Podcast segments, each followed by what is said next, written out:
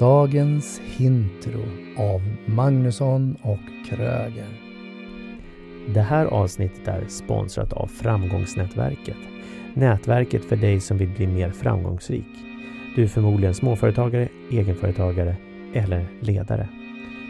Hör av dig via info framgångsnätverket.se. Skippa prickarna. Jag eh, pratade med min fru Eva som var ute med mina båda två söner. Hon berättade att de är ute och cyklar och min yngsta son Mexes har en sparkcykel. Och helt plötsligt så hör jag min fru skrika Nej, nej, nej, nej, nej, stanna! Och så vart det helt tyst. Mm. Det kan ju förmodligen få igång en puls och en rädsla inombords över att någonting skulle kunna hända något hemskt. Mm. Likväl tänker jag ju att du har en arbetskollega eller en chef eller en vän som helt plötsligt höjer rösten och, och blir arg, irriterad och då kan jag bli liten och bli rädd för de delarna. Du har ju mm. även hotfulla situationer. Du kanske är ute och möter andra människor där du känner ett form av obehag. Eh, kanske ute själv på en kväll, ute och går eller åker tunnelbana eller någonting och möter andra människor som ger en känsla av något obehag. Alltså det vill säga jag blir egentligen rädd. Du kan känna ett hot. Du kan bli överraskad. Helt enkelt. Du kan ju bli rädd för att du öppnar upp skafferiet och flingpaketet faller ner mot dig så kan du bli rädd för att du ska få det i huvudet. Mm. Uh, eller du, någon knackar på helt plötsligt och säger hej när du inte är beredd. Så får du en, en rädsla. Och uh, många gånger så ska jag säga, de, de är så tydliga de tillfällena när det händer. Sen skulle jag ju säga rädslan är ju oftast det som hindrar oss för att inte vi gör det vi borde göra som vi vet att vi borde göra. Så vad är du rädd för? Jag är rädd för att eh, misslyckas. Jag är rädd för att inte bli accepterad.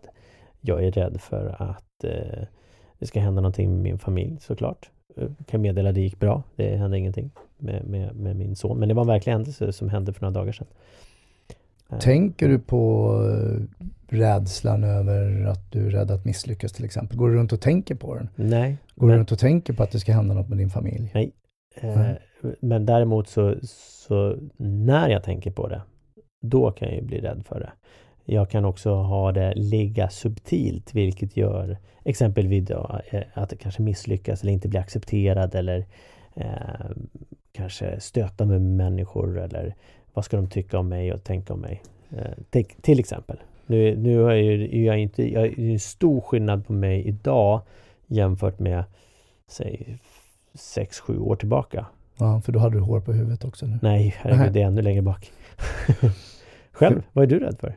Ja, men jag tänker på par, flera perspektiv. Ena saken är att gå runt och vara ständigt rädd över mm. att någonting ska hända. Alltså du förebygger hela tiden utifrån din egen rädsla och till slut så blir du rädd för rädslan över att någonting ska hända. Mm. Och det är ju egentligen definitionen och höjden av ångest. Att mm. du går runt och är rädd för någon rädsla som du inte kan hantera. Det är det ena perspektivet. Men det andra, tänker jag, det positiva med rädslan, det är ju att jag utsätter mig för någonting. Jag tror du nämnde det, alltså just det här att också vara modig. Eh, jag är rädd för att hoppa bungyjump. Jag personligen har aldrig hoppat bungyjump för jag tycker det är hisnande själva fallet. Höjden är inget problem, men fallet skulle vara för, mm. för mycket för mig, för mm. rädsla. Samma här. Men skulle jag nu ta modet till mig och göra det, då har jag en erfarenhet som kanske skulle kunna vara någonting annat än rädsla. Mm. Men samtidigt så kan jag välja vissa saker som jag inte utsätter mig för. Mm. Och en gång så åkte jag det här fritt fall på Gröna Lund som jag kallar för något helt annat ord om jag bara tar bort r eh, Jag tyckte det var fantastiskt. Jag åkte med en kompis och jag tyckte det var alldeles fantastiskt när vi kom upp på höjden och såg ut över Stockholm och Gröna Lund och mm. alltihopa. Mm. Eh, och han var höjdrädd och tyckte det var hemskt. Och sen släpper jag allt det här och så är det ju då som kallas för fritt fall och det är verkligen fritt fall. Jag kliver av, mina ben skakar. Eh, tårarna kommer, jag går och sätter mig, jag tror att jag ska kräkas. Jag mår så fruktansvärt dåligt. Och den rädslan som var att tappa kontrollen, den vill jag inte vara med om igen på det sättet. Men däremot mm. behöver jag utmana mig annat. Det kan vara, jag kan vara rädd för att hålla ett föredrag, ställa mig upp inför en grupp människor. Ja, men det får jag ju träna på. Det är ju bara ett mod bakom det. Ja. Ja, det andra är väl mod bakom det andra också. Ja, det är idioti. Ja, det kan det vara. Men, men det, det, det går ju att träna det också. Det är, plötsligt så lär sig du, eller din hjärna och din kropp att du dog inte gång tre heller. Så vad är du rädd för annars då? Eh, jag är eh, rädd för att eh, upptäcka en dag att jag är helt ensam. Det finns en inbyggd rädsla, men det finns också ett motarbetad del kring det, eller en medarbetad del. Eh, det var för att jag upplevde min far väldigt ensam innan han dog. Han hade liksom inga vänner eh, när han var sjuk och innan han dog. Sen var det många på begravningen, men redan där så bestämde jag, det här var ju 04, då bestämde jag mig för att jag behöver ha vänner, jag måste vara omgiven av människor. Jag vill inte hamna så att jag är ensam och ingen finns där för mig den dagen jag inbillar mig att jag behöver någon. Så det är en rädsla som, som eh, finns hos mig. Mm. Bra. Jag vet inte om det är så bra, men, Nej, men, men det ger ju mig också bra. en, en eh, sporre i det och se till att jag har människor jag umgås med som ger energi och det finns positivt med att, att träffa mycket människor. Så ja. där, därav så tränar jag ständigt på det. Vissa situationer kan vara obehagliga eller jobbiga, tråkiga, men jag tränar ändå på det och då tänker jag att då är jag ju modig som mm. vågar träna för att mm. undvika min rädsla. Mm.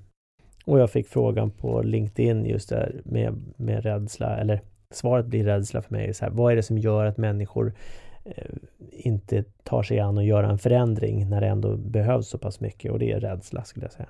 Som det är den underboende eh, känslan. Men det är kanske andra skäl som kommer ut i munnen. Det är, det är inte läge just nu, det är obekvämt etc. etc. Och samtidigt där så tycker jag att det är viktigt att vara nyfiken också på vad är det som skapar den här rädslan hos mig? Eh, och vad har jag för verktyg att hantera den och, och, kan jag hantera den själv eller behöver jag ta hjälp av andra? Mm. Så rädslan tycker jag det är lite också även eh, lite katalysator, bensin på det hela. Ja, och ja.